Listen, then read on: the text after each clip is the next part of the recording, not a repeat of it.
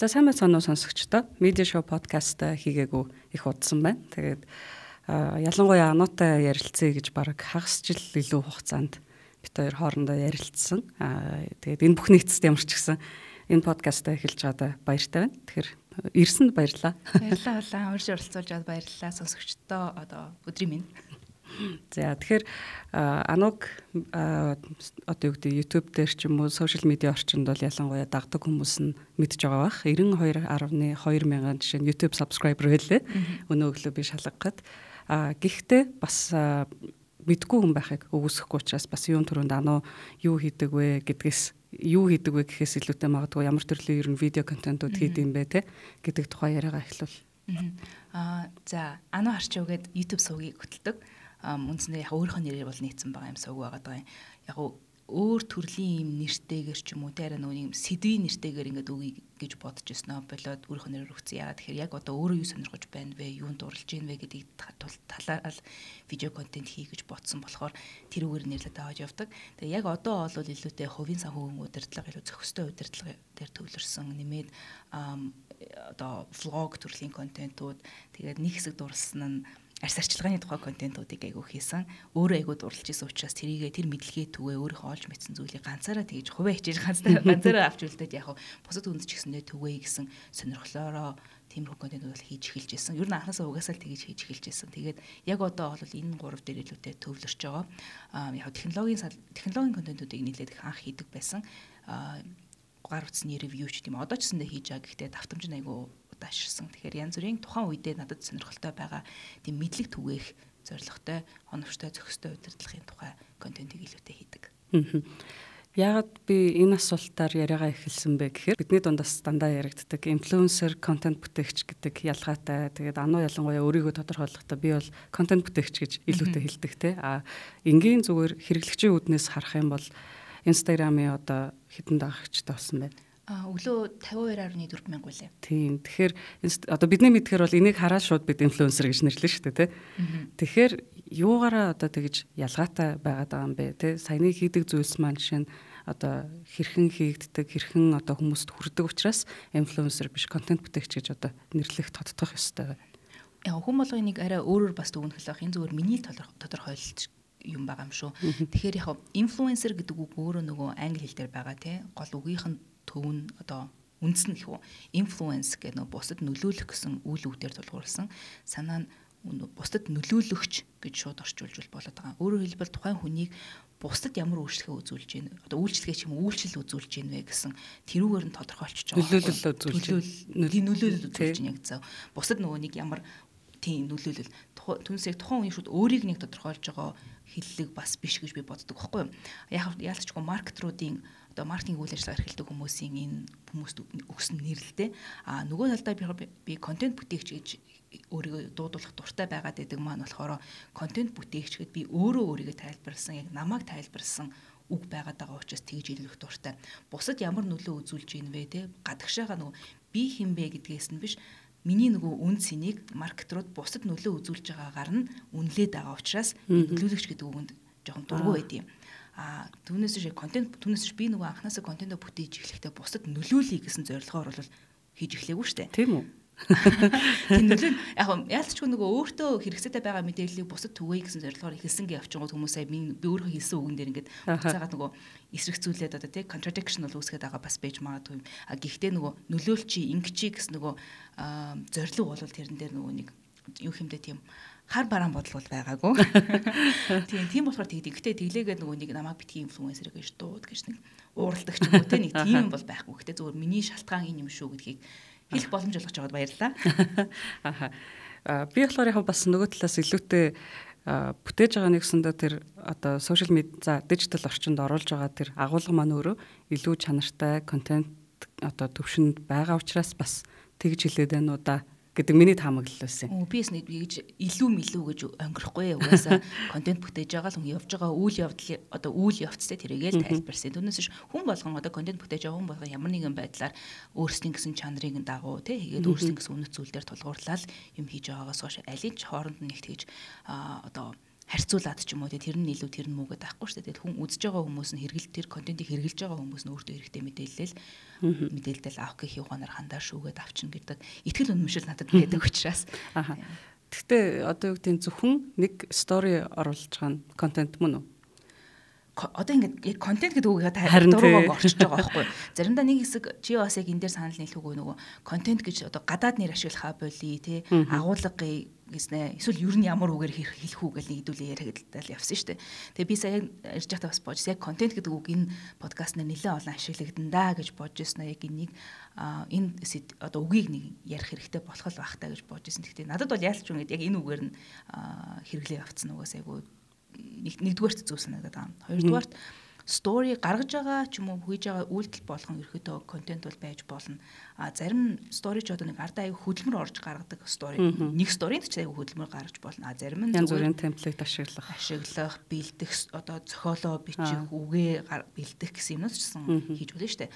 А тэгмүүд нөгөө талдаа зүгээр ингээд сууж агаад өөрийнхөө зүгээр одоо селфигээд арчдаг ч юм уу эсвэл зүгээр байгаа зургийг дараад орж тэр чинь стори юу гэвэл мөн штэ а тэгэнгүүт нөгөөжээс нөгөө контент мөн үү гэж ингээ асуух юм ч нөгөө контентэд тавигдах шаардлага юу байна вэ гэдэг өнцгөөсөө асуу одоо илүү тийм давхар нэг тийм даалд шүүлтүр бас орж ирээд шүүлтүр гэхүү шаардлага гэхүү тий орж ирээд байна л тэр миний бодлоор бол гаргаж ингэж нийтэлж бүтээж байгаа юм болгон л контент мөн а тэгэнгүүт магадгүй контентэд шаардлага тавигдах ёстой юу гэдээ асуухад үзэх юм бол бас жоохон өөр юм бол болох л баг л та. Окей, тэгвэл одоо нэг стори байсан ч бед контент гэж үзнэ. А гэхдээ аногийн контент арай илүү ялгаатай харагдаад байдаг. Тэгээд энэ нь бас миний хувийн таамаглалын үүднээс бол нөгөө өөрөө сэтгүүл зүй одоо хэвлэл мэдээллийн байгууллагад ажиллаж исэн хүний хувьд ялангуяа ийм боловсруулалт нэлээд орсон байгаад байдаг л та. Тэгэхээр энэ талаас нь бас өөрөө юу гэж хардаг вэ?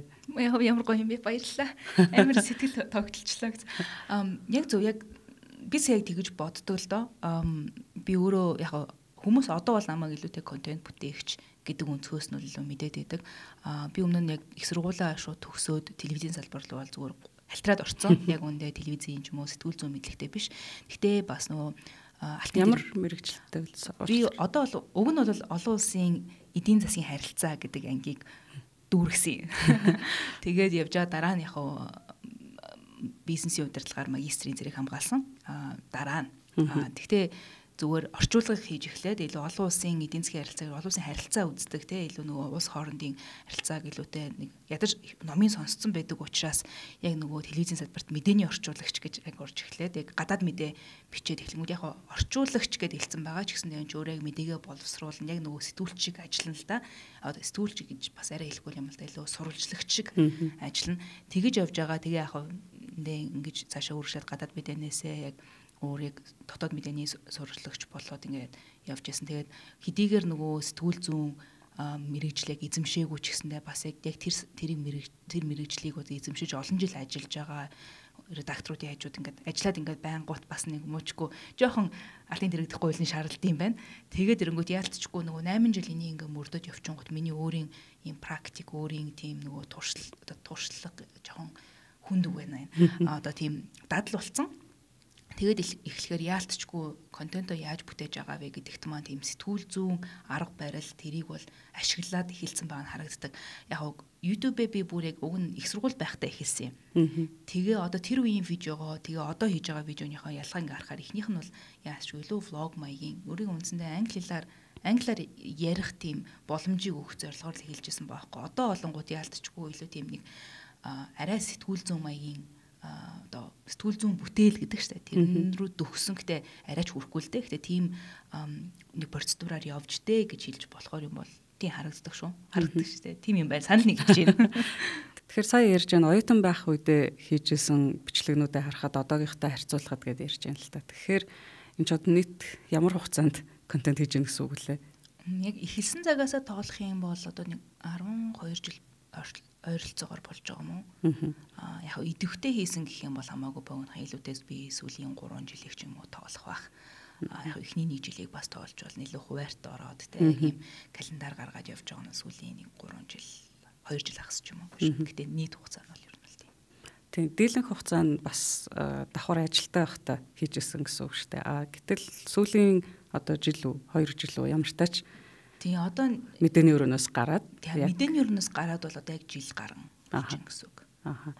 Тэгээд бодохоор бас сонирхолтой санагдаад байна л да. Одоо 8 жил жишээ нь мэдээний өрөөнд ажиллачаад яг энэ контент бүтээгч гэдэг одоо карьерийг хөөхөр нэгсэн да болсон гэсэн үг. Тэгэхээр энэ үнэхээр яг боломжтой зүйл байгаад байна. Бид нар магадгүй ийм зүйлийг хөвчлэн одоо гадны ютуберуудын жишээн дээрээс ч юм уу ингээ хардаг те. А Монголд яг ингээд ийм байдлаар контент бүтээгээд за ялангуяа зах зээлийн харилцаанд оролцоод явах энэ боломж ер нь бас ямар харагдаж байна. Яг шууд нөгөө энэ карьерийг хөөхгөөд мэдээний өрөө орхисон гэж хэлвэл бас жоохон өрөөсгөл лөө. Санаа нь одоо ч гэсэндээ би яг хөдөлмөрийн гэрээ байгуулахгүй ч гэсэндээ яг нэг талаасаа ажил гүйцэтгэл хийгээд явж байгаа. Яг цалин гэдэг дүн тодорхойлолт байхаа болчихж байгаа юм. Тэгтээ ерөнхийдөө бусад ажил гүйцэтгэх те өөрөө өсөө мэрэгжлийг эзэмшсэн хүн байна. Магистра хүртэл хийсэн хүн байна. Тэгэхээр тэрэн дээрээ тулгуурласан зөвлөх үйлчлэгээнтэй үзэл ингэ явж байгаа болохоор бас 100% зөвхөн одоо ютубер контент бүтээгч гэдэг ажил бол хийгээд байгаа зүйл бол бас биш. Аа яг нөгөө мэдээний өрөөнөөс ингээ гараад за яг ийм ажилтай хөдөлмөрийн гэрээгээр ажилдаг тэр нөгөө систем тэр нөгөө нөхцөлийг бол орхий гэдэг шийдвэр гаргахад зараа за санаа зовлтгүй дээ. Надад ингээд нэм дэр байна гэдэг одоо тийм тухтай мэдрэмж гэх юм уу тий аюулгүй юм шиг санагдсан тэр мэдрэмжийг бол яалтчгүй гэхдээ яг контент бүтээгчийн маань одоо энэ дүр олгосон л доо. Тэний 3 4 сар ч юм уу дараа дараагийн ажилд ортлоо. Угаасаа санаа зовлтгүй явж болно гэдэг амар тийм өнгөрөө бодол бодолтой. бол байхад бол тусалсан. А тэгтээ ер нь бол одоо ингээд бодох нь зүгээр ингээд олж байгаа орлогын бүрдэл хэсгээр нь зүгээр ингээд бодоод үзье л да. Тэгхийн бол яалтчгүй контент бүтээснээс ямар нэгэн байдлаар контент бүтээлгээс олсон орлого маань бол хамгийн өндөр хувийг бол эзэлдэг. Тэгэхээр тэр үнцгөөс нь тайлбарлах юм бол яг үндсэн карьер маань мөн үү гэвэл мөн л гэж хэлэх байх. А гэхдээ би бол энийг нэг тийм одоо насан туршдаа хийх зүйл гэж илүүтэй хардггүй одоо яг ануу харч өгдөг нэрээрээ хийх зүйл гэж хардггүй. Гэхдээ энэ энийг хийж явахдаа сурч судалсан зүйлийг бол би дараа нь өөр карьераа дахиж ингэж хурих ч юм уу те тэрэндээ бол ашиглах боломжтой байх байх гэж бол нийтлэр хувьд бол боддtiin. Өөрөө яг нөгөө 100% үндсэн карьер маань энэ бол байна гэж бол би тэгж өөртөө ихтэйгээр бол боддоггүй байгаа шүү. А гэхдээ одоо сая хэлж чинь сүүлийн 2-3 жилийн хувьд ялангуяа тогтмол хийгээд а тухайлбал орлогын бүрдэл хэсгээ одоо дийлэнх жишээнд контент бүтээсэн орлого болж байна гэд. А тэгэхээр нөгөө талаас сонирхох зүйл нь тэгвэл үүнийг хийхин тулд хэдийн эрг хэмжээний цаг хугацааг бас зарцуулж байна гэдэг асуулт гарна л та. Бид нар ажил хийгээд 7 хоногийн 5 өдөртэй за 10 цаг ч юм уу ингээ ажилтгаа гэж бодъё.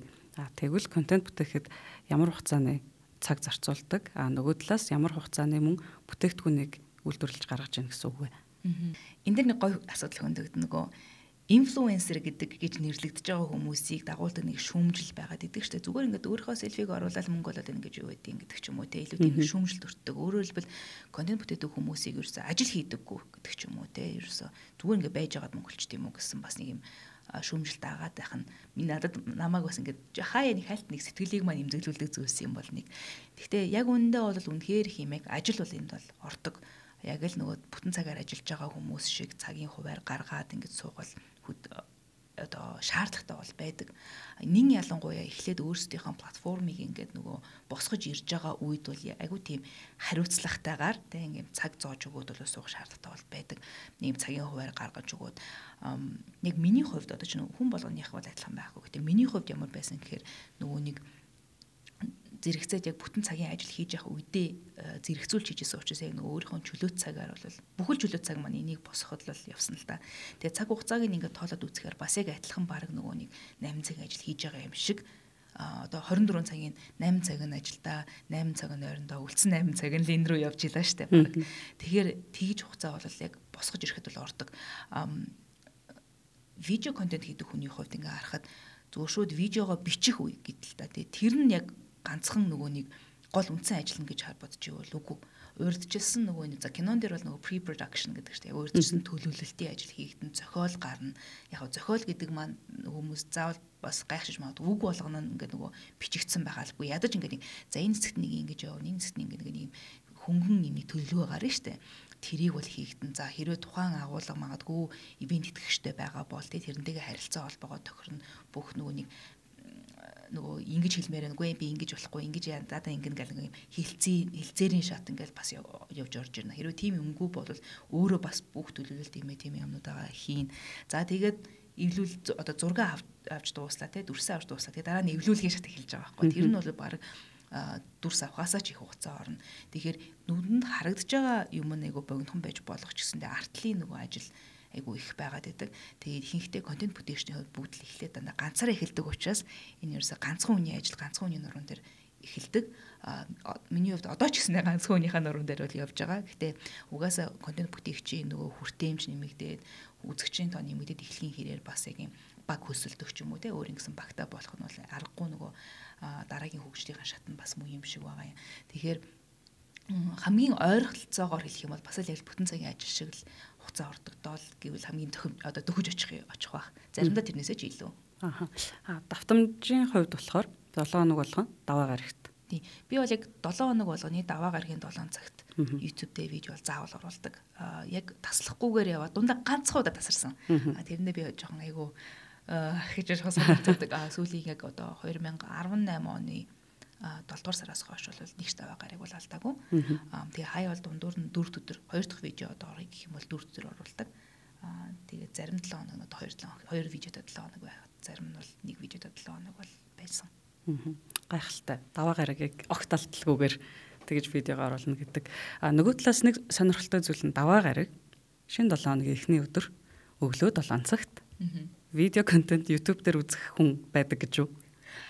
Чи тэгэж гайхад сонсчих магадгүй. Эхлээд бас ингээ өөр өөр цагуудад би зарим өөр өдрүүдэд ингээ турш үзэхгүй юу. Тэгээд нөгөө нэг гоё юм нь одоо жишээ нэг YouTube шиг иймэрхүү одоо том платформыг ашиглаж байгаагийн давуу тал нь бүтээгчдийн одоо бүтээгчдийн удирдлагын самбар гээл да англиар бол dashboard гэж байгаа тийм. Тэндээс ингээ харж байхад гоё нь бүх нөгөө агуул одоо мэдээллүүд нь ороод ирдэг. Тэгээ аналитик мэдээллүүд ингээ ороод ирдэг учраас за аль цагт хамгийн сайн үүсдэг юм байна, аль нь яд юм байна гэдэг нөгөө нэг үзэлтийн хэмжигдэхүүнийг хараад иж болдог.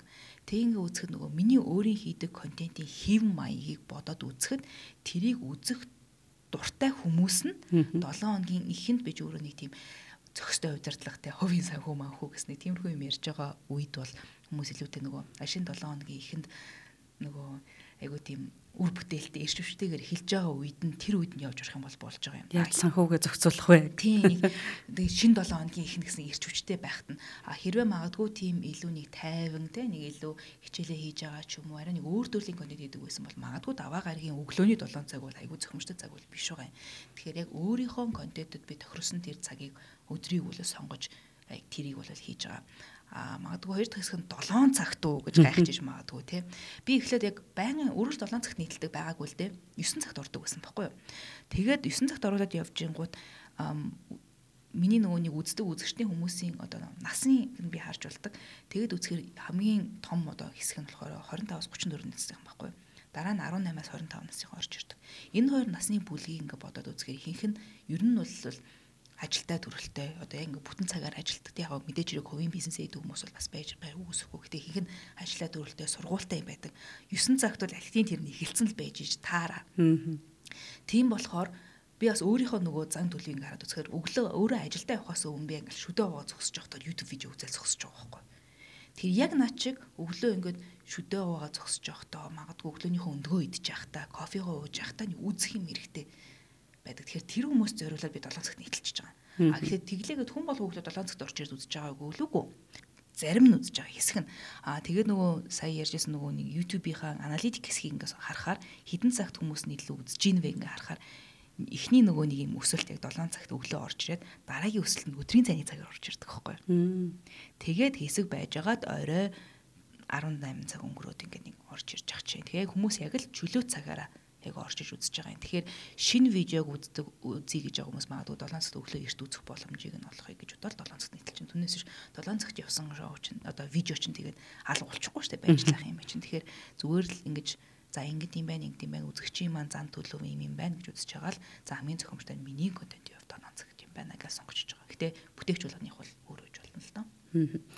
Би нөгөө санд нэгдүгээр курст байхад сэтгүүл зүүн ангид нөгөө олон нийтийн мэдээлэл хэрэгслийн зохион байгуулалт төлөө тийм хичээл ортыг. Тэгээ тэрэн дээр хамгийн анх олон нийтийн мэдээллийн хэрэгсэл гэж юу вэ гэд аа одоо түүний тодорхойлох шинжүүдийг үздэг. Тогтмол байх гэдэг жишээ нь ингээ нэг шинж байдаг. Тэгээд сонирн бол те өдөртмийн сонирн бол өдөр тутам байх. А улирлын сэтгүүл бол мэдээж улиралдаа байх. Тэгэхээр энэ бүх шинж чанар нь олон нийтийн мэдээллийн хэрэгслийг одоо бий болгож байна гэж үздэг. А гэхдээ ухамсартайгаар яг ингээд тогтмол байх нь үнэхээр мэдээллийн хэрэгслийн тэр доктортой байдал түүнийг бусдаас ялгах давуу тал болно гэдгийг ингээд юу гэдэг амьдрал дээр нотлон одоо би харж чадсангүй. Яг тэгэхээр бид нарыг бага байхаас эхлээл хэрвээ телевиз байдаг бол тэр чи өдөр болго угаасаа гарч ил байдаг те. Яг юу гэдэг тэрний одоо давуу талыг мэдрэх боломжгүй байгаад байна л да. А тэгэхээр одоо яг энэ контент бүтээж байгаа түүндээ ингээд ийм тодорхой цагийн хуваар төлөвлөлт оруулаад тогтмол болгож байгаа хүмүүсээс жишээ нь би ингээ асуумаар болж байгаа байхгүй. Тэгэхээр үнэхээр энэ тогтвортой байх гэдэг маань ямар үр нөлөө үзүүлт юм бэ? Үзэгчтэйгээ магадгүй холбоо тогтоох ч юм уу те? А нөгөө талаас өөрийнхөө ажлын хуваарийг оруулах өөр мэдхгүй бидний мэдхгүй бас те? Ямар нөлөөллийг үзүүлт юм бол? Би бас өглөө олго ингээл өглөө олгож бишэлтэй даваа гаргийн өглөө олгонд 7 цагт ингээл видеого нийтлэл ингээл яваад байгаа бас заримдаа үртэй ингээд тогтмол хийгээд ер нь хэрэгтэй байдаг ч юм уу гүү ч юм уугаар хаяа бол бодно л доо. Тэгээ сүүлд ингээд харж чад би нэг удаа алдсан гэдгсэн шүү дээ нэг удаа яг даваа гарагт оруулж чадаагүй тэгсэн чинь аюу сонирхолтой нь YouTube-ийн видеоны доорч тэр тэгээ дараа нь яг YouTube нөө шууд хэрэл одоо үзэгчтэйгээ шууд харилцаад айгу тийм зохимжтой биш платформ л арай харьцангуй нэг талд маягийн дөө хэдийгээр комментэр ярьж болох ч гэсэнтэй а тийм байдаг учраас хүмүүс илүүтэй над руу Instagram-аар шууд нөгөө мессеж өчөж орж ирдэг. Тэнгуү тэр өдөр зүгээр Instagram-аар түр анаа чи яасан бэ? Зүгээр видео хайчиж юу хайчих вэ гэл ингээд нөгөө айгу орж ирсэн л дээ тэгэнгүүт аа за бас нөгөө нэг бүгдээрээ биш ч гэсэндээ яг нэг тодорхой бүлгийн хүмүүс ингээд яг хүлээцгийг дадлан болцсон даваа гариг болгоны өглөө видеого үзэн гэдэг ингээд төлөвлөлтөндөө оруулсан байдгийн байна гэдгийг харж байгаа байхгүй энэ мэдээж хэрэг бүгднийг нь бол илэрхийлэхгүй гэхдээ тодорхой үзэгчийн маань хэсгийг бол илэрхийлж байгаа байхгүй тэгэхээр нөгөө нэг талаасаа би одоо контент бүтээгч хүн тэр хүмүүст өгсөн амлалт байгаа. Би амлалтаа биелүүлж байгаа. Нөгөө хүн нь тэрийг нь хүлээж аваад ингэ үзэж байгаа. Аль аль талтай ингээд амлалт өгсөн байгаа байхгүй юу? заавал за би амлаж гинэ гэдэг ингээд бичээд буулгаад ингээд үчгсэндээ энэ чинь нэг тийм нийгмийн амлалт биш үү? За нийгэм бишээ зөв маань тийм нэг жижигхэн хэсэгтэй. Цусан тангараа өргөсөн юм шүү. Нэг тийм амлалт байгаа. Тэнгүүт тэр нь тэр нь бол ингээ үзэгч байж идэм биш үү хүлээж идэм биш үү гэдгийг нэг бас яг надад өөрт харуулсан би өөрөө ч гэсэндээ миний итгэл үнэмшлэх ч гэсэндээ бас ингэж нэмсэн бас хэдий нөгөө хуваараа алдсан ч гэсэндээ нэрэ тийм байж дээ ухаарлыг өгсөн нэг гоё мөч байсан а үзэгч болон одоо одоо subscriber гээл англи дээр байгаа те захиалагч гэж монгол хэлээр орчуулсан байгаа харагддаг юм шиг байна. Захиалагч одоо контент бүтээгч хоёрын хоорондын харилцаан дээр тэр байна. За нөгөө талаасаа ингээд давтамжтай байгаад байх нь үнэхээр тусалдаг ч юм уу гүү ч юм уу гэд ингээд асууж байгаа үед бас нэг гоё юм байгаа нь алгоритм тогтмол байдал дуртай. Би өөрийнхөө YouTube-ийн subscriber-уудын тоог аваад тэгээ за үзэгчийн тоог үзээ. Тэгээ яг миний видеог үзэж байгаа хүмүүсийн хэдэн хувь нь яг альтны subscribe хийцэн байна вэ? Аль нь гээгүй байна вэ гэдээ ингээ харахаар тал тал нь яг 50% нь ингээ архи subscribe хийсэн 50% нь яг subscribe дараагүй хүмүүс гэдэг байхгүй. Тэгэхээр YouTube дээр дагаагүй зөвөр YouTube-ээс юм үзэж явж та явж та үзчихдэг. Эсвэл зүгээр ингээ яваад ороход нөгөө home page гэдэг чинь эхний нүүрэн дээр нь гараад ирсэн байнгут дараад орчдөг. Намайг тогтмол үздэг мөртлөөсөө л subscribe дараагүй хүмүүс бас байдаг байхгүй. Тэгэхээр би өөрөө ингээд тогтмол даваа гараг болгоны нэг цаг чинээр видео оруулаад ангууд YouTube өөрөө бас за энэ бүтээгч даваа гарагийн нэг цагт оруулдаг. Тэгэхээр ингээд ингэж байршуулад энэ энэ хүмүүс үзээд идэм байлээ. Тэгэхээр энэ урд ингээ харуулчих харуулчих жоохгүй. Тэгэхээр би бас өөрөө контент бүтээгч та ялангуяа YouTube дээр контент бүтээж байгаа хүмүүс хоёр хэрэглэгчтэй байгаад байгаа байхгүй. Нэг нь за баг 3 нэг нь үзэгч нь байж нь яг хамгийн ихний одоо үйлчилж байгаа хүн хэрэг үзэх юм бол үзэгч тэр хүмүүс л зориулж контент хийж байгаа. За хоёрдугаарт мэдээж хэрэг л маркетингийн өнцгөөсөө харж байгаа юм бол хамтарч ажиллаж байгаа харилцагч нар байна. Гуравдугаарт би платформд үйлчилж байгаа байхгүй. Тэр нь YouTube нь. За хэрвээ Instagram дээр контент бүтээдэг бол Instagram нь. Нөгөө талаараа Facebook бол Facebook нь. Тэгэхээр бид нар өөрсдөө хүмүүс нөгөөнийг өөрсдөө эзэмшээд байгаа юу гэвэл бас өөрсдөө чинь YouTube-ийн subscriber-ууд гингүүт хэрвээ маргааш YouTube унтарчих юм бол тэгээд энэ хүмүүс ч байхгүй шүү дээ. Тэгэхээр бас энийг би өөрөө эзэмшээд байгаа биш байхгүй. Тэгэхээр би бас яг платформд үйлчилж байгаа шүү гэдгийг бас айгу өглөө өглөө болохдоо өглөө босохдоо бодож сэрдэг те. Тэгэхээр үзэгч аноо хоёрын хооронд тусан тангараг байгаа юм байна. Аноо YouTube хоёрын хооронд өглөө бүхэн бодож сэрэх нэг өнцөг байгаа юм байна. Тэгэхээр сонирхолтой байна. Зөвхөн видео оруулаад ингээд байж байгаа гэж бодсон чинь түүний цаанаас маш их зүйл байгаа юм байна. Өөр бидэнд хэлэх YouTube-ийн талаар бас бидний мэдэхгүй зүйл шүү юу гэдэм бэ? надад нөгөө YouTube ингээл аажим аажмаар ингээл бүтээгчдээ сонсоол юу хэрэгцээтэй байна гэдгийг аюух асуудаг байхгүй. Тэгэл би тэрэнд ингээл хийж үзэл нөгөө хариу явуулаад тэгэл нэг бета хөтөлбөрүүд рүү одоо нөгөө дөнгөж туршиж эхэлж байгаа тэр лүгөө орох боломжтой байна уу гэсэн юмнууд ингээд туршиж эхлэл явдаг. Тэгээ тиймэрхүү юм тэгэхээр мэдээж дандаа Америкийн их зүйлийн зах зээл дээр ч юм уу туршигддаг л та. Тэгээд бүтээгчд бүгдд нь ингээд нөгөө нэг тэр одоо функцийг те ашиглах боломжтой болоод ингээ орж ирэнгүүт би төрөлөл туршиж үздэг. YouTube дээр контент хийж байгаа хүмүүсийн одоо хэрэгжүүлээд эхлэх хэрэгтэй юм шиг санагддаг нэг зүйл болохоор YouTube дээр өөрсдөр нь chapters гэдэг юм. Монголоор орчуулах юм бол бүлэг гэсэн. Видео одоо нэг урт видео байлахад тэр дотор нөгөө ярьж байгаа сэдв ч юм дотор нь байгаа агуулгаар нэгэд бүлэглээд ингээ хуваачих боломжтой байдаг.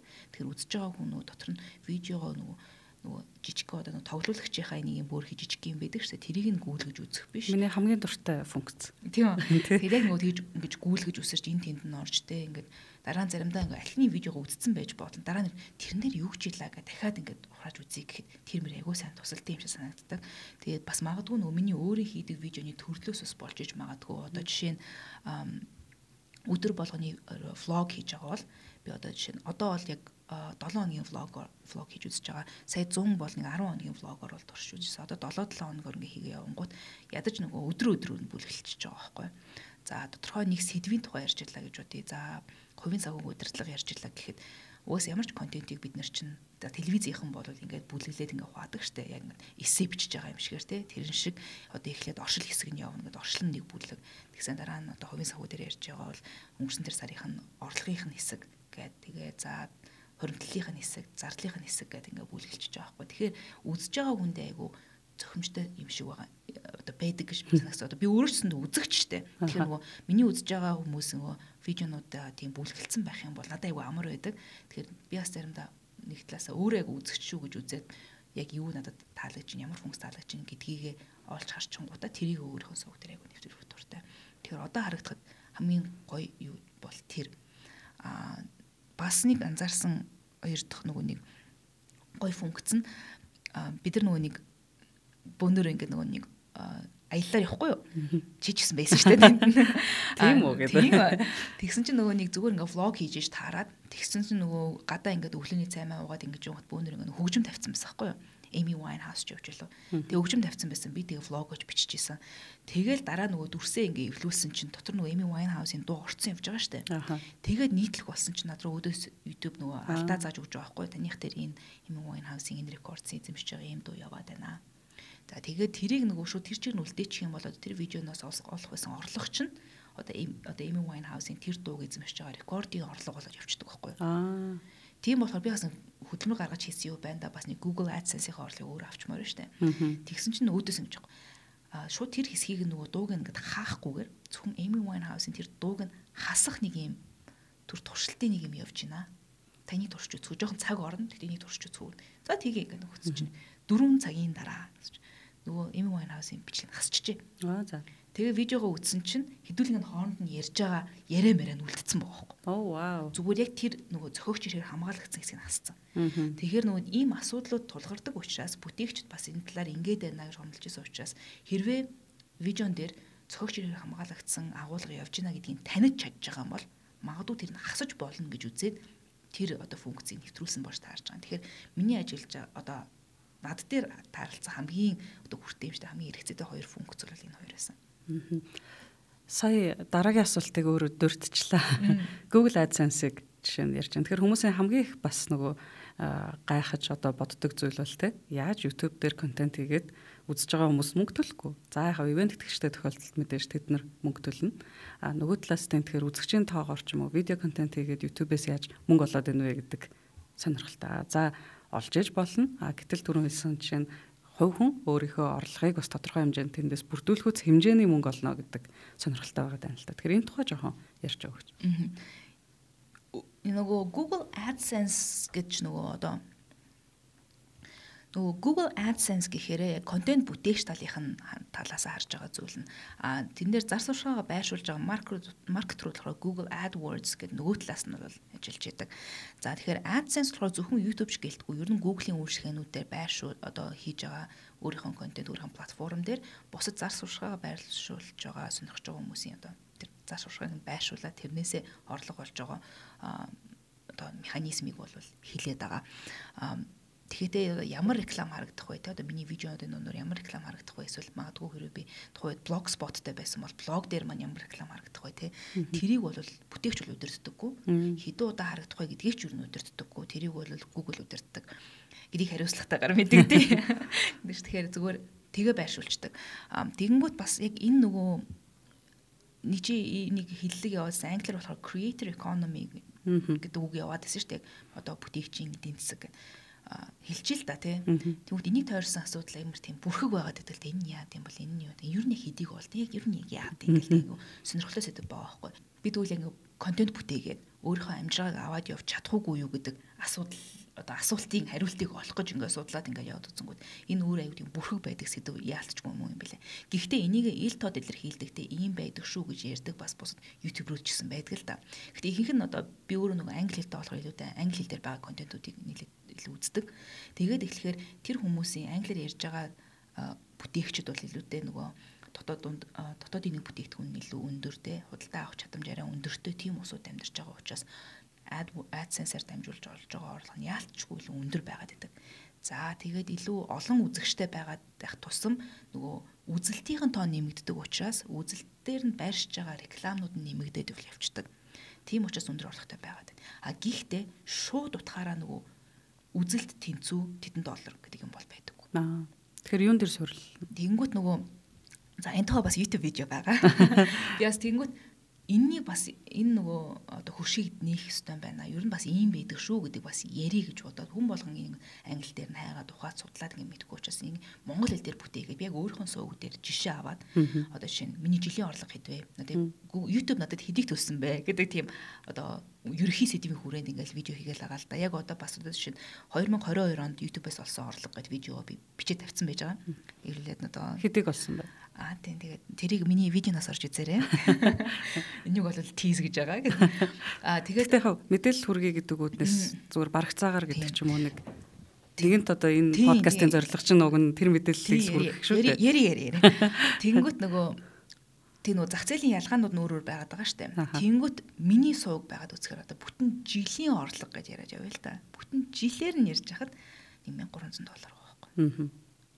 Энэ бол зөв миний суугийн жишээ. А Монголд байгаа бусад өөр бас бүтээгчид бас сарын 1500 доллар олж молдог хүмүүс л байдаг гэж би ойлгосон. Чиний шоуны анхны зочин бас нэг тиймэрхүү юм яриад өгөржсэн баг тий. Тим хүмүүс бол байгаа. Гэтэл минийх бол бас тийм биш тий. Тэгэхээр яг сарын жилийн 1300 доллар дээр би амьдрах уу? Үгүй шүү дээ. Тийм учраас зүгээр яг мөнгө олох нь болсон энэ тусалтгүй тусалт нь ихтэй энэ чинь буцаж гараад зүгээр одоо камер авах ч юм уу тийм микрофон авах ч юм уу тэрэндээ л гар явчих жоохгүй. Тэгэхээр яг Google AdSense-ийн орлого бүтээгч болгоны амжираа дэмжихүүц хангалттай өндөр байдгүй гэвэл үгүй. А өндөр олдог тийм хүмүүс бол өөрөө хидэд нэг байдیں۔ Айгуу цөөхөн байгаа байхгүй. Тэгэхээр тийм байдаг учраас нөгөө контент бүтээгч нар яалтчгүй одоо нөгөө гурав дахь хэрэглэгч нь гэдэг байгаа шүү дээ. Захиалагч нартай, харилцагч нартай бол ажиллаж эхэлдэг. Гэхдээ одоо нөгөө ёс зүйтэйгээр хандах нь хандах хэрэгтэй гэж би бол боддог. А хүн болгон мэдээж өөрсдийнхөө бизнесийг яаж явуулах вэ гэдэг бол мэдээж бүтээг хүн болгоны өөрсдийнх нь одоо шийдвэр. А тэрнээ ямар үнэлэмжтэй хандах вэ гэдэг бол хүний шийдвэр. Тэгэхээр э, хамтран ажиллагчид э, Монголд одоо жишээ нь юу гэдэг харьцангуй бас гайгүй байна уу? нөгөө миний үйл ажиллагаач ерөөсө ганцаараа хийдэг болохоор миний амжиргааг бол дэмжээд л ямарсан болж байна. илүү харилцагчтай ингээд холбогдоод ингээд одоо илүүтэй би өөрөө хүмүүстэй холбогдохоос илүүтэй харилцагчд өөрсдөө оршиж манайх юм гэдэг ингэж орж ирдэг л дээ. Тэнгүүт нь хэрвээ тухайн захиалагчд харилцагч гээл да тэдний зориг те миний яг өөрийн үнэт зүйл үнцийг миний контентийг үздэг хүмүүсийг сонирхож байгаа сэдв энэ төр бүгдээрээ ингээд нэгэнд огтлцож байгаа тохиолдолд за хамтран ажлыг болж байна. Гурван талын гурван талын бүгднгийнх нь ашиг сонирхол хангагдчих хэрэгтэй байгаа шүү дээ. Нэг нөгөө бизнесийн нөгөө win win win гэдэг нөхцөл чинь бүгдээр бүх тал нь ялж байгаа тохиолдол одоо тэр харилцаа үргэлжлэх боломжтой байдаг. А тэгэхгүй хин нэгэн хохирох шинжтэй тийм одоо харилцаа эхлэн л дээ. Хүүгүүд тэгэх тэгэх юм бол уучлаарай энэ бол боломжгүй байна гэдээ би бол татгалцдаг. А нөгөө түүнээс ш нөгөө орж ирж одоо муугаар одоо хараа яргал юм бол орж ирж байгаа юм болгоныг яриад байхгүй шүү дээ. Тэгэхээр тийм одоо би өөрөө тэгж амжихчгүй угаасаа нэг талаас ганц хүний үйл ажиллагаа. Тэгэхээр тийм нэг одоо шалгуур гээл та. тэгээд тавьчихсан байдаг. Аа тэгээд магадгүй илүүтэй нөгөө урт хугацааны харилцагчд илүү одоо үн цэнтэй байдаг. Илүү нөгөө би бинийг ойлголцсон тухайн брендинг үнэт зүйл, миний өөрийн хувь хүний үнэт зүйл, өсөж байгаа хүний одоо хэрэгцээ бүх чар одоо хангагдсан байгаа тохиолдолд тэдэрдээ илүү урт хугацаанд ажиллаад тэгж явах нэг ганцхан англи бол transactional гэдэг чинь зүгээр ингээд юм нэг удаагийн байхаас илүү урт хугацааны байх нь илүү үнцэнтэй байдаг. Тэрэндээ ч тулгуурлаад бас магадгүй тиймэрхүү ажлуудын одоо хөлс ч гэсэн арай бага байх боломжтой байгаад байдаг. Тэгэхээр орчин үеийн хүүхдүүдийг харахаар 6 настай тий 8 10 гэл ингээл хүүхдүүдтэй ярихаар том болоод ямар хүн болох вэ гэхээр ютубер болно. Влог гэдэг хүн болно гэдэг чинь. Аа арай өсвөр насны ч юм уу за оюутнуудтай энэ төр уулзахаар бас ер нь креатор болох. Гэхдээ тэр нь нөгөө хүүхдийн мөрөөдлөөс илүү арай илүү бас ажил хэргийн юм шиг те мөрөөдөл биш магадгүй зориг гэдэг ийм тал руугаа ороод байна л та. А гэхдээ тэгэхээр сая хэлж байна орлогын хувьд ч тэр зах зээлийн хувьд ч тэр эсвэл одоо төлөвлөлттэй үйл ажиллагааны хувьд ч тэр бас нэг тийм хөнгөн зүйл биш байгаа даа л та. Тэгэхээр ялангуяа ийм бодолтой байгаа креатор болж эхлэх гэж байгаа хүмүүст ялангуяа юу гэж зөвлөх вэ? Анагийн зүгээс. Хэрвээ би одоо анх хийж эхлэхдээ энийг мэддэг байсан бол нэг ингэчих байсан юм байна да ч юм уу те. Тийм одоо зөвлөгөө өгөөч гэвэл. Би хүн болгоныг бол креатор болоод энийг одоо бүтээгч болоод энэ нь өөрөө карьерийнх нь гол зүйл нь байгаад амжаагаа тэтгээд аваад явах зүйл нь бол байна гэж бол боддоггүй. А гэхдээ хүн болгон зүгээр нэг туршаад үзсэн байхад хөлөө ингээд дүрж үздэг шүү дээ тэгсэн байхад тэгж үзээд за энэ миний зүйл мөн байна гэж барьж авч болно эсвэл энэ миний зүйл биш байна гэж шийдээд за арай өөр одоо илүү сериосны тийм карьерийн сонголт хийгээд явах явж болж байгаа байхгүй. Тэгэхээр би нөгөө хүн болгоны креатор бол гэж байгаа юм биш. Зүгээр нөгөө яадаг вэ гэдгийг бас мэдээд үзчихээд. Гэтэ анханасаа нөгөө нэг креатор болно гэж шууд ингээд тууштай зориод ингээд яваад байх бас жоохон аюултай л да. Ингээд бүтэхгүй бол яах юм. Тийм ээ. Э, юм болгон бас амжилттай байхгүй дээ. Тэгэхээр нөгөө нэг тиймэрхүү зүйл бас сэтгэл санааны бэлтгэлтэй байх хэрэгтэй юм шиг санагдсан. Бүх нөгөө нэг би одоо бүтээгч болно гэл мэрэгжил эзэмшихгүй шууд сургуулаа хаяал ингээл явлаа. Окей. За болж ин хэрвээ амжилт болох юм бол тэгэл тэр нь бас үр дүнтэй бас байж болох л ах. Гэтэ хүн болгон тийм байхгүй штэ. Тийм болохоор би ингээл бүтээгч болно, би ингээл ютубер болно гэж шууд өөрийнхөө боловсралыг би боловсрал гэж хэлээд байгаа нь сургууль гэж хэлээд байгаа юм биш үү? Би боловсрал гэдэг үгээр яваад байгаа. Боловсралаа хаях бол надад айгу хайран санагддаг.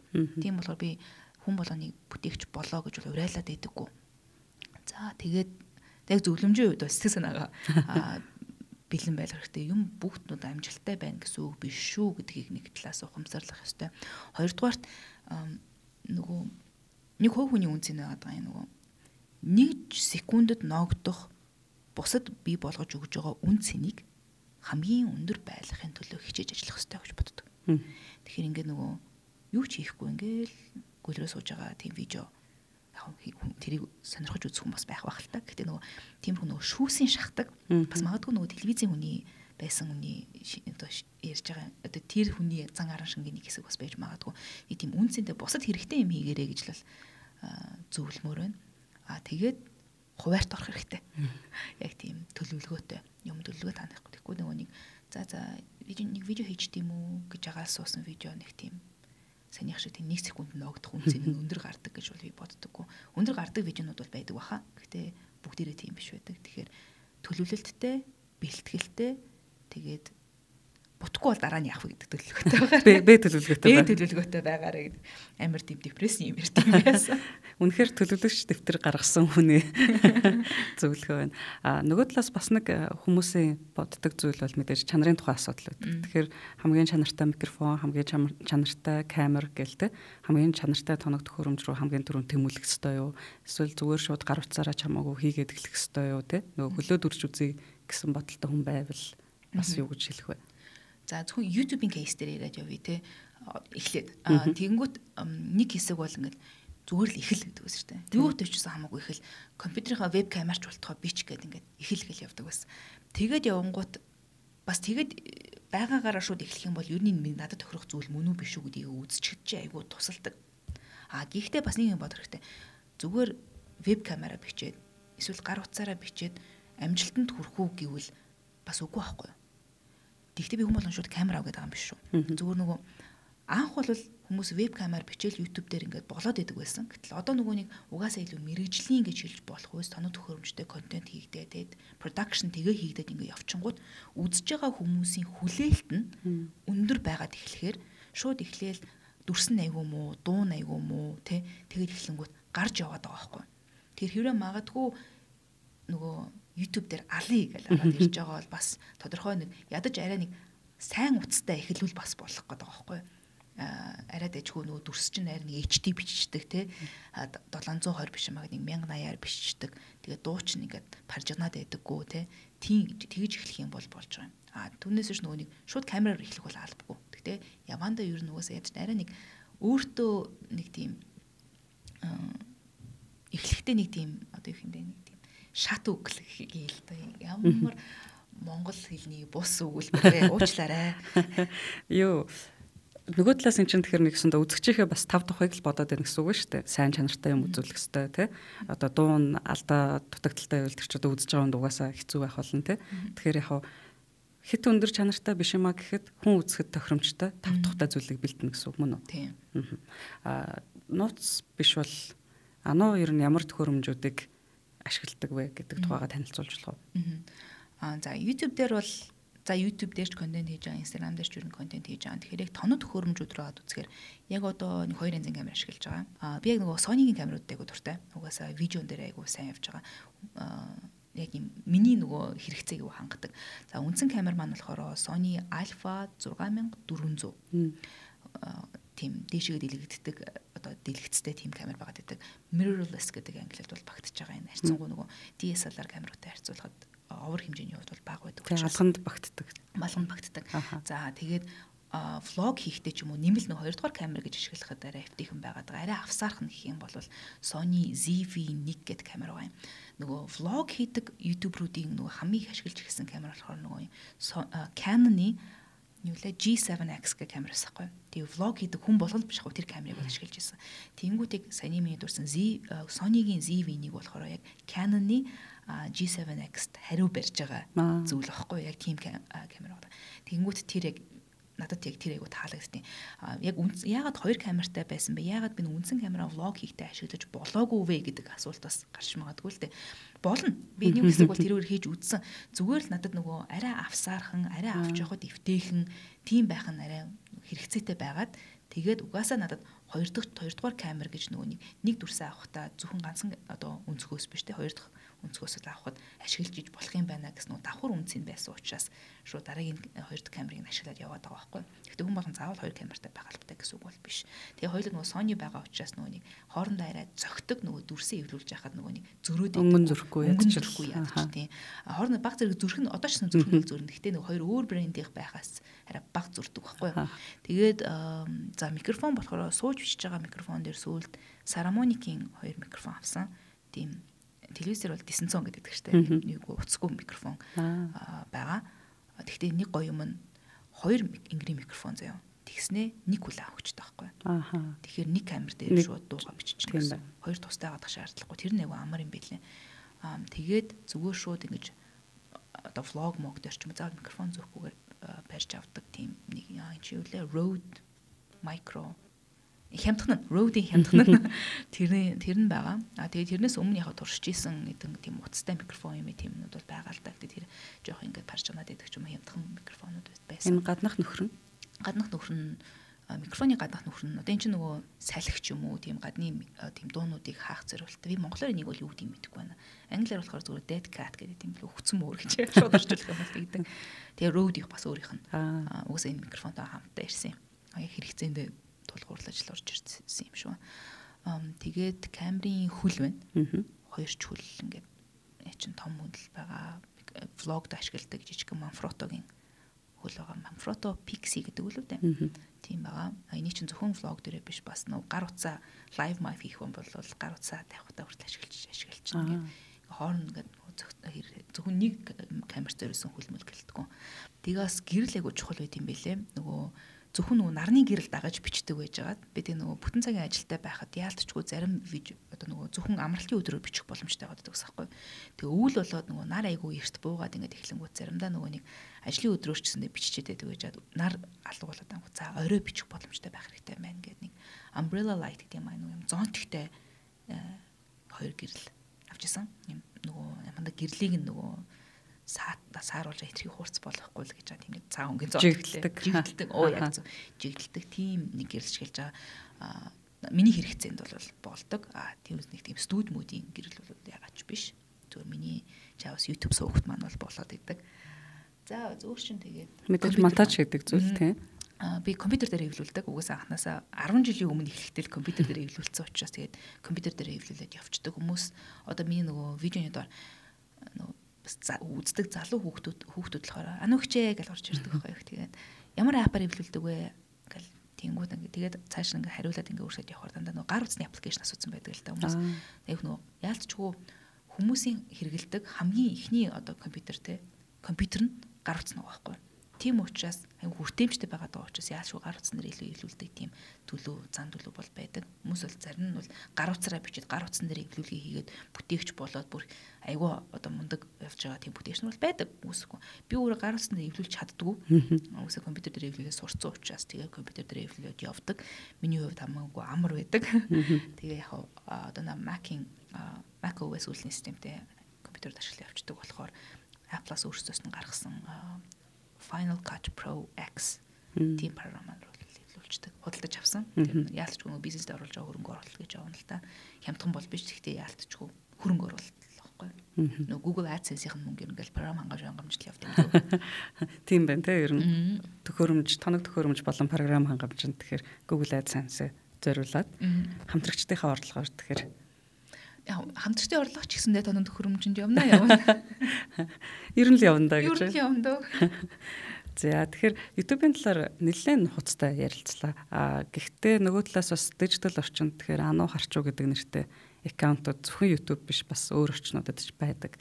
А тухайлбал хамгийн одоо миний мэдэх олон дагагчтай нь бол Instagram байгаа тань л. Нэг биш бүр хоёр байгаа тий. Ануу харчуу beauty гэдэг хоёр дахь аккаунтаа хүртэл нээсэн байгаа. Тэгэхээр нөгөө креатор хүн тэгэхээр ганцхан платформ дээр байрших биш бас бусад платформуд дээр бас байршиж ээж түгээлт явагдаад байна одоо тий.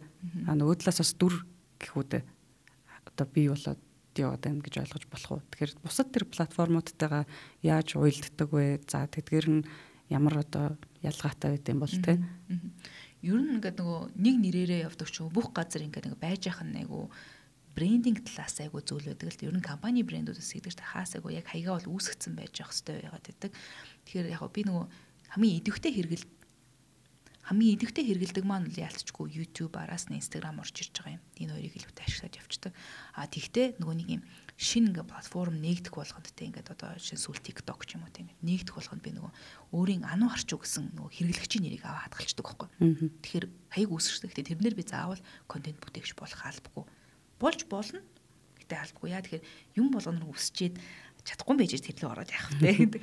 Тэгэхдээ үүсгээ тавьчихдаг. Тэгэнгүүт нөгөө нэг яалтчгүй нөгөө хэллэгэр маркетинг хэллэхээр яг тийм нэг брэнд үүсгээд байгаа байхгүй нэг нэр дээр. Тэгээ адилхан зүйл нь болохоор бүгднгийнх нь нөгөө зураг нь адилхан profile picture гэдэг дээ. Зургууд нь яг адилхан. Тэгэхээр ядаж нөгөө яг энэ ануу муу юм байна. Тэгээ тэрний давуу тал нь ядаж нөгөө өөр хүн миний дүрийг эсгэж миний өмнөөс ямар нэгэн за болж үзье тийм нөгөө лөөрч байд юм уу те. Тэмгүй юм хийхээс хамгаална гэж боддоггүй. Миний хамгийн нин тэрүүний одоо санаа зовдөг бол зүйл нь бол тэр нэрийг ашиглаад ямар нэг юм хийцэн байхыг үгүйсэхгүй байдаг болохоор тэгж үсгдэг. Аа тэгээд тус тусдаа нөгөө платформ болгонд зориулсан өөр өөр нөгөө нэг контент бол хийх хэрэгтэй санагдтыг. Нийгэмдэр хүмүүсийн бас алддаг ялангуяа байгууллагуудын алддаг нэг зүйл юу гэдэг вэ гэхээр Facebook зориулсан зориулж хийсэн видеогоо YouTube дээрээ тавиад за энэ бол арай гайгүй. Тэгтэл Facebook зориулж хийсэн видеогоо Instagram дээр явна гэж боддог. Одоо жишээ нь одоо Facebook-ийн нэг функцүүд байгаа дээ нөгөө янз бүрийн reaction дарж болдог тийм ингээд за лайк дарж болно зүрх дарж болно гэдэг нэг 6 янзын reaction байгаа л үү тийм тэгж болж болдог. Тэгснээ яг тэр контентаа аваачаад нөгөө Instagram дээр тавихтаа тайлбар нэг нэг Facebook зөрөөснөр байдаг байхгүй. Энэ нь бол лайк дараарай, энэ нь бол зүрх дараарай гэсэн юм аа аваачаад Instagram дээр тавьчихгоот яалах байгаа юм бэ тань. Тэ? Тэгэхээр нөгөө нэг Instagram дээр зөвхөн favorite зөвхөн лайкууд нэг зүрх байгаа шүү дээ. Тэгтлээг нөгөө платформынхаа хэрэглэгчд зориулсан биш зүгээр л бүгд рүү ингээл зүгээр цацаад бай гэдэг шиг тийм юмар хангалтж байгаа. Тэнгүүд энэ ч нөө хэрэглэгчийн зан төлөв гэж нэг юм энэ дэр байна штэ. Тэгтэл одоо би анзаарсан бол түрүүс Facebook-ыг ашигладаг гэж бол хэлэхгүй байгааг анзаарсан баг. Би илүү нөгөө контент бүтээгчид өнцгөөсөө бол YouTube, Instagram хоёртой байлаа дуртай. Instagram-ын орчин штэ нөгөө ашиглагдах юм аяг магадгүй за ингэж хэлж байгаа дуучлаараа хэрглэж байгаа хүмүүс ч гэсэн арай амар байдаг. Тэгэхээр нөгөө контент контент бүтээж байгаа нийтлж байгаа платформ болон чинь хэрэглэгчийн зан төлөв ялгаатай байдаг учраас тэрэнд нь зориулсан контентийг бүтээх хэрэгтэй гэж боддог. Тэгэхээр тэр нь хэрвээ миний одоо контент бүтээгчийнхаа юм маягт уйлж ивэл тэр л нь орох хэрэгтэй. Одоо шин би TikTok руу нэг тийм ороод нэг контент бүтээгээд тэг нэг төлөвлөгөө гаргаж ирээд байгаа юм бол байхгүй. Орж үздэггүй л үздэг. Twitter дээр бас яг миний би ч нэрээ Twitter дээр verified sign авцсан. Миний надад нэрээ verified байдаг ганцхан аккаунт ч миний Twitter байгаа шүү дээ. Тэгсэн мөртлөө одоо Twitter нь баг үгцсэн юм уу яасан юу ч байхгүй. Тухайд нөгөө мэдээний өрөөнд байдаг байхтай яг мэдээ түгэх зорилгоор ашигладаг байсан учраас болцсон. Тэр энэ бас яг нөгөө хэрэглэгчийн зан төлөвийн бас нэг хэсэг мөн байгаа байхгүй. Одоо надаас нэг тийм мэдээ гаргачгүй тэгээ угаасаа миний хийдэг YouTube энэ тэрэг бол нэг тийм Twitter дээр үзээд байдаг хүн байхчгүй. Гэхдээ нөгөө шинэ видео оруулах болгонд орсон шүү гэж бол тийшээгээ зүгээр нөгөө түгээлтийн сувг байдлаар бол ашигладаг. Тэгэхээр яг харгуу нөө хийж байгаа контент, хийж байгаа нийтлж байгаа агуулгын онцлогоос тэгээд тухайн агуулгыг хэрэгжилж байгаа хүний хэв маяг хэрэгцээнээсийг нь хамаарч байгаа байхгүй тий. Тэгэхээр олон платформ руу орох нь бол зөв. Гэхдээ юм болгон дээр нь тухайн платформдоо нөгөө нэг уялдуулж агуулга нэг бол шинээр бүтээн, нэг бол хувиргах хэрэгтэй. Аа түрүүн ярианыхын дурдчихсан YouTube бол жишээ нь юу гэдэг хэрэглэгчтэйгээ шууд харилцаа үүсгэх бас тийм тохиромжтой платформ биш ээ гэд. А миний анзаарснаар тэгэхээр илүүтэй Instagram дээр ануу хэрэглэгчтэйгээ холбогдож харилцдаг баг тийм үү. Тийм шууд нөгөө яриа бол тэрэн дээр илүү хурдан өрнөдөг.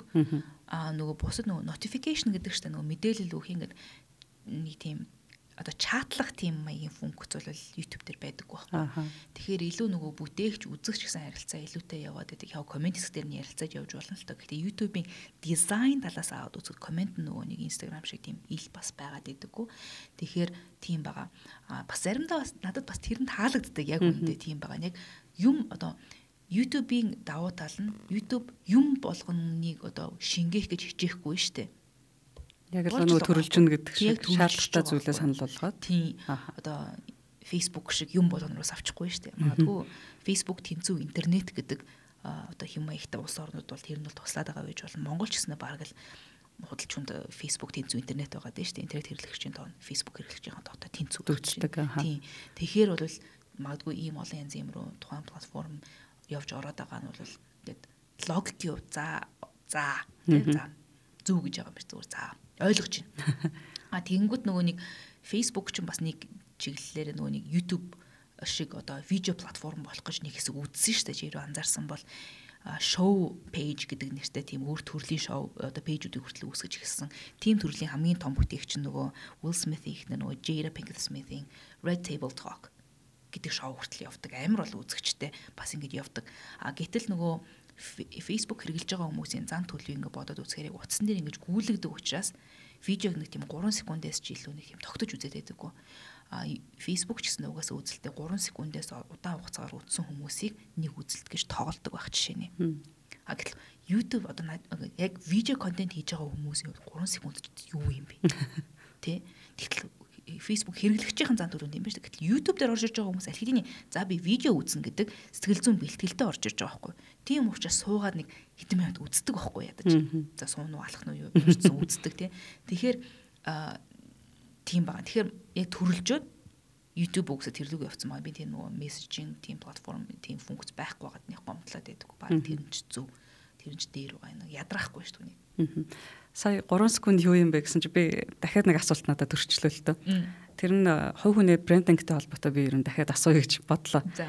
Яг тэгэхээр 3 секунд видео бүтээдэг хүний хувьд юу юм бэ гэсэн чинь надад чинь хай ануу байна гэдэг санаанд орлоо. Тэр чинь л нэгэсэндээ баг 3 секунд те. Тэгэхээр яг нөгөө сая бас хэлж байгаа бүх платформ дээр ануу харчуу гэдэг нэртэйгээ байх нь брендийн хувьд ашигтай. А нөгөө талаас дөрөв бас ярихад тогтмол байх магадгүй миний бодлоор төлөөлж ах шиг байна. А 3 дугаарт одоо юу гэдэг тэгэхээр тэр хай ануу байна гэдэг мэдчилгээ ч юм уу те. Сайн уу ануу байна уу? Тийм сайн уу ануу байна уучлаарай. Тэгэхээр тэр мэтчлэнгээр хөв хүний брендингийг бий болгодог бидний үл анзаардаг бас нэг юм техникүүд байд юм болоо да гэж бодож гин зөв буруу юу нэг одоо гол түлхүүр үг нь үл анзаардаг шүү дээ. Би би өөрөө ч мэдэхгүй байгаа байж байна шүү дээ. Гэтэ яг нэг сайн уу ануу байна чи яг юу юм бэлээ? Яг муу юм бэлээ. Би нэг хэсэг зүгээр л нэг тийм би бас ухамсаргүйгээр хийцэн байхгүй. Зүгээр л видео эхлэхдээ тэгж хэлээд эхэлсэн. Тэгэл ингээл явцсан. Тэгж байгаа сүүл заавал ингэж эхлүүлэх хэрэг юу байгаа ингэж одоо нэг видеого тиймгүй эхлүүлчихгүй юу? Тэгээ дараагийн биеийн видеог энэ гэсэндээ хэлэхгүй эхлүүлцээ. Тэгсэн тэр хоёр видеонуудын доотлол дээр хүр сайн уу ануу ана яац тэр тэр нь нэхэгдээд ирд юм бэлээ. Тэнгүүтээ хүм үзэж байгаа хүмүүсийн хувьд чинь тэр нь яг нөгөө нэг юм гол нэг чухал хэсэг нь болцсон. Тэрийгэ шаардаад эхлэнгүүтээ би тэгээд албаар хэлэхгүй ингээ гүрийгээд хэлэхгүйгээ ингээ шийч хийж чадаа эсвэл тэгээ бууж өгсөн дээ. Одоо ингээ видео болгоно нэг сайн уу ануу байна гэж эхлүүлдэг. Одоо сууж эхэлж байгаа видео одоо ямар нэг сэдвийн тухай ярьж байгаа ч юм уу тэгж байгаа бол а влог бол заавал тэгж эхлэх албагүй юм билээ. Угаасаа нөгөө хийж байгаа аж байдлыг бичиж байгаа учраас аа тэгэхээр бас яг тиймэрхүү нөгөө брендийг үүсгэж байгаа брендийн элементүүд байгаа штэ. Тэрний нэг хэсэг бол бас юм хиллэг, үг хиллэг юмнууд бол бас мөн л юм байлаа. Тэгэхээр нэг тийм үгтэй болох бол бас яг зөв байгаад байгаа. Бүтээгч тийм бас нэг тийдэг штэ нөгөө би бас манай зах зээл дээр хэр ажиллах юм бас сайн мэдэхгүй байна л да одоо жишээ нь Blue Journal хийдэг одоо Amanda Rachel байлаа гэхэд өөрхөн community гэж өөр хандаа одоо нөгөө subscriber тэргээ Little Doodles гэж нэрлэдэг. Юу гэнэ? Little Doodles. Аа бас өөр нөөс Peaches гэдэг ч юм уу те тийм юм нөгөө юм аа Charles хин блээд нөгөө мейкапны амар том нэг мейкап хийдэг айгу том бүтээгч юм хитэн сая тагш. Тэр нь болохоор sisters гэж явдаг ч юм уу те. Тэгээд ингээ нэрлэлч юм бас нэг талаас энэ нөгөө нэг community нэг нэг монголоор юу гэж буулгаад байна Хүрээлэл бий болж байна. Тэг тэгэнгүүтээ үзэж байгаа хүмүүс нь өөрийгөө би тийм юу шүү гэж нөгөө нэг identity өөрийгөө нэг тодорхойлоод дээ тийм тодорхойлогч өгөөд байгаа байхгүй тэр хүмүүс. Тэх нь бас магадгүй нэг юмны нэг хэсэг гэдэг юм ойлголт өгүүлдэг нь бас тусалдаг байж магадгүй юм. Бас нэг тийм юмнууд хийгээд байгаа. А Монголд иж тэрнийг ажиллах уугүй үр дүнгөө хөөгүй гэдэг мэдэхгүй л байна л да. Би угаасаа тэгээд тэгэж хийхээр ч том одоо бүтээгчүүл биш.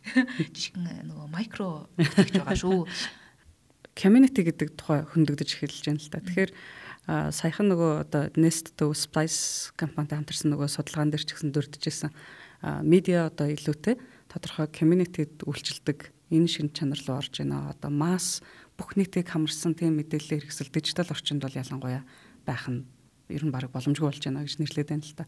Тэгэхээр одоо ингээ яриаг чинь сонсохоор контент бүтээгч гэдэг чинь зөвхөн нэг л контентээр дамжуулж хүнтэй харилцаж байгаа биш. Тэнд нэрэл ийм хүсэл сонирхол те одоо сонирхлын бүлэг ийм хүрэл бий болоод тэдэнтэй одоо инстаграмаар харилцаа үүсгэх за нөгөө талаас би мэдж байгаагаар ануу бол жишээ нь юу гэдэг өөрөө юм нөгөө өөрөө хувь хүний шин чанарын төлөвлөгч хүн учраас магадгүй төлөвлөгч дэвтрээ гаргасан баг.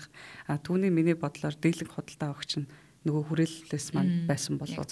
Тэгэхээр нөгөө нэг контент шин чинь тэдэндээ зориулаад өөр төрлийн бүтээгдэхүүн гаргаж өгч байна өөр платформоор тэднэртэйгээ харилцаж байна гэдэг ч юм уу нэг юм тэгэхээр хүрээллийн асуудал болоо явж чадах шиг байна мөн үү Үгүйс яг нөгөө иймэрхүү хүрээллийн өвч яалтчгүй ингээд бие даасан юм бүтээгч нар бий болгоод ийм зан төлөвийг нөгөө хэрэглэгч үзэгчд нь бий болгочингууд одоо өөрөөр хэлж чадахгүй байл дээл уламжилт медиа компаниуд нь тэр загварлуу нь орхоос өр аргагүй болоод байгаа байхгүй юу. А түүнээс ч нөгөө ийм юм байсан юм байна. Одоо нэг бизнест зөв гэж байхгүй. Тухайн үед нь л одоо хамгийн ультимат зөв гэж байхгүй, ультимат буруу гэж байхгүй. Тухайн үед л гарсан зөв шийдвэрлэл гэж гарч ирдэг шүү дээ. Тэрэн шиг ингээл үүсэн одоо өөрчлөгдөн шинжлэж байгаа зах зээлдээ л эн чинь хариу реакц үзүүлж байгаа л хэв маяг болчихж байгаа. Магадгүй энэ өөрчлөлтийг нь бүтээгчид ч юм уу одоо creator economy гэж хэрэглээд байгаа энэ дотор байгаа бүтээгчд нь ихлүүлсэн байж болно. Гэтэ мэдээж хэрэг дуусахгүй. Аа ганц хүн бол бүгдээрээ эцсийн нөгөө нэг бүтээж байгаа хүмүүс чинь эцсийн одоо хэвлэл мэдээллийн салбарыг бол орлохгүй. Одоо ялангуяа сэтгүүл зүүн одоо журмуудыг бол баримталсан ийм нөгөө одоо юу хиймдэ мөр одоо ерэн сурвалжлага хийгээд явагдаж чадахгүй шүү дээ. Гэтэл яг ийм хэрэгцээ байгаа юу? Байгаа байхгүй. Тийм учраас энэний үзэгчд ч гэсэндээ бас яг энэ хэрэгцээ нэр нь байгаа учраас хэрэглэгч нь ч гэсэндээ байсаар байна гэж бол би итгэдэг. Түрүүн нөгөө нэг хэвлэл мэдээллийн хэрэгсэл гэж юу вэ гэж яг яг тэрлүү бас хэрвээ хуваартай тогтмол гэл ингэх юм бол би ми яваад орчиж байгаа байхгүй. Тэгтэл яг үүний хэвлэл мэдээллийн хэрэгсэл би мөн үгүй биш шүү дээ. Тэгэхээр магадгүй энэ нөгөө тайлбарын тодорхойлолтууд ч гэсэндээ бас өөрчлөлтөх цаг үе яалтчгүй болцсон юм биш үү гэдэг асуулт бас буцаагаад би чамаас асуумар санагчлаа. Тэгэхээр гих мэт шин тэгэл ингээд одоо үүсэн өөрчлөлт одоо өөрчлөлтөнд шинжлэгдэж байгаа энэ зах зээлийн тодорхойлолтууд ч өөрчлөгдөн, бизнесийн загварууд ч өөрчлөгдөн, контентын хуваарууд ч гэсэндээ бас яг ингээд хэрэгцээ шаардлагад ингээд тааруулж нийцэж өөрчлөгдөх ёстой. Сэ нөгөө Nest Splice хоёрын судалгааг дурдлаа. Тэрэн дээр бас тэгсэн байсан шнэ. Бүх нийтэд хамарсан контент хийх гээд байгаа болоо. Зүгээр масс зориулсан тийм юм байхгүй. биш. Ийм ниш буюу ийм жижиг ийм сонирхлын бүрийг тэдэрт хэрэгцээтэй байгаа контентууд нь хийхэд нь бол анхаараа гэдэг ингэод хэлээд явах орчин. Тэр чи яалтчгүй нөгөө анх яг ийм бүтээгчний хэлүүлсэн зүйл байгаа байхгүй яг л subscriber-уудаа зориулсан юм хийж өгч байгаа шүү дээ. Гэхдээ тэрэндээ магадгүй хэл мэдээллийн илүү үнцэнтэй одоо нөгөө 1 секундэд ногдох үнцэн гэдэг тэр нь хамаагүй өндөр бүтээлүүдийг бол хийн байх гэж бол бодож байна. Бараг тэр нь одоо угсаа гарцаагүй үнэн байх. Тэгэхээр тэгж бол хувирхаас өөр аргагүй байгаа. Яг энэ Монголын зах зээл дээр энэ ихтэй биелж байгаа юу гэвэл бас зах зээл нь жижиг юм аа. Бас яг тэндээс нөгөө бизнес болгоод босч ирч чадах нь жоохон эргэлзээтэй байж магадгүй. Гэхдээ манай бизнесийн илүү харуулах байлгүй. Баярлалаа. Тэгэхээр яг ярилцах тэгэхээр магадгүй одоо цаашдаа бидэнд хэрэгцээтэй тодорхойлох, орчуулах тогтож ойлгох хэвээр ойлголтууд хөндөгдөж ийн л гэж бодоод байна л та. Тэгэхээр бид хоёр сая ярьлаа. Creator economy гэдэг нэгдүгээрт ойлголтох шиг байна тий. А хоёрдугаарт контент бүтээгч гэж хэнийг хэлэх вэ? Тэгэхээр уламжлалт мэдээллийн хэрэгслээс ялгаатай байгаад байдаг. Дан ютубер ч юм уу инфлюенсер гэхээр бас биш байна тий. А өөр чин хоёлоо юу ярьлаа? Олон дагагчтай хүн гэхээр л инфлюенсер болж байгаа. Нэр юу бас нөгөө юу байгаа штэ зар сурталчилгааны тухай хууль дээр бас өөрчлөлт орох хэрэгтэй гэсэн нөгөө орч орох гэж байгаа юм билэ. Тэгэнгүүт одоо жишээ нь зар сурталчилгаан дээр зар сурталчилгааг дамжуулагч гэдэг нэг үг тодорхойлолтой ангууд энд чинь одоо анханасаа болохоор хэвлэл мэдээллийн хэрэгсэл гэдэг ойлголтоор нь явцсан байнгут яг одоогийн байгаа зохицуулалтаараа ингээл одоо инфлюенсер гэж нэрлэдэг хүмүүс яг дамжуулагчд нь байгаад байгаа байхгүй. Хэрэгрөө зөксүүлээд байдаг гэтэл нөгөө чанарын шаардлага их юу байх юм тэрэ гэсэн яалтчгүй нөгөө заашруулахын сувгууд нь ингээд тэлээд ирэнгүүд яалтчгүй энэ хуульч гэсэндээ илүү ойлгомжтой болох хэрэгтэй болол ирж л байгаа юм л да. Тэгэхээр нэг иймэрхүү зөвхөн нөгөө тодорхойлолтууд гэлтгүй энэ чинь зүйн орчин хүртлэх гэдэг дааж өөрчлөгдөх хэрэгтэй л болж байгаа юм шүү. Би яг энэ талаар хийн амар сайн мэдгүй байгаа ч гэсэндээ магадгүй сонсч иж магадгүй нөгөө нэг салбарын хилцүүлэг мэлцүүлэх бол саналаа тусахад нь оролцох сонирхолтой байгаа шүү нэрээ. Дашим дуртахад. Дашим дуртахад хэмиг яаж мэдгэд сонсч иж магадгүй. За за тэгэхээр маш их баярлалаа. Тэгэхээр зөвхөн нэг одоо YouTube видео гэдгийн цаана те ямар олон бас ажил цаг хугацаа зарцуулагддаг. А нөгөө талаас бас ямар олон асуудлыг бодолцож байж энэ бүхнийг хийх шаардлагатай болдог вэ гэдэг тухай манай сонсогчид бас тодорхой хэмжээнд мэдээлэлтэй болсон болов уу гэж бодож байна. Би өөрөө ч гэсэн маш их зүйл мэдэж авлаа. Тэгэхээр цаг зав гаргаад бас дэлгэрэнгүй ялангуяа ярилцсанд баярлалаа. Тэгээд хүн нөгөө дэрэгт хэртэн анзаардаг юм байна гэдэг чинь 10 хэдэн жил анх ингээл найзлал ануустай хажууд уцаараа чамаагүй видео хийгээл те ингээд одоо явж байгаа яхыг одоо мэднэ. Тэгсээр нэг ингээ үүний цаана ийм олон асуудал бас ингээ байдгаа гэдгийг би чинь өнөөдрийн хүртэл яг өөрөө мдэггүй явж яснагаа одоо мэдлээ. Тэгэхээр баярлалаа. Баярлалаа. Урьж ярилцсан баярлалаа. А цагаа гарган сонссон бас сонсогчдоо ч гэсэндээ баярлалаа. Бас нэг тодорхой үнцийг өгсөн гэж найдаж байна. Үгүй бол уучлаарай. Нэг секундэд оногдох өгөөж нь гайгүй байсан баха гэж итгэж байна. За тэр бол эвлүүлгээс гарна да. За баярлалаа.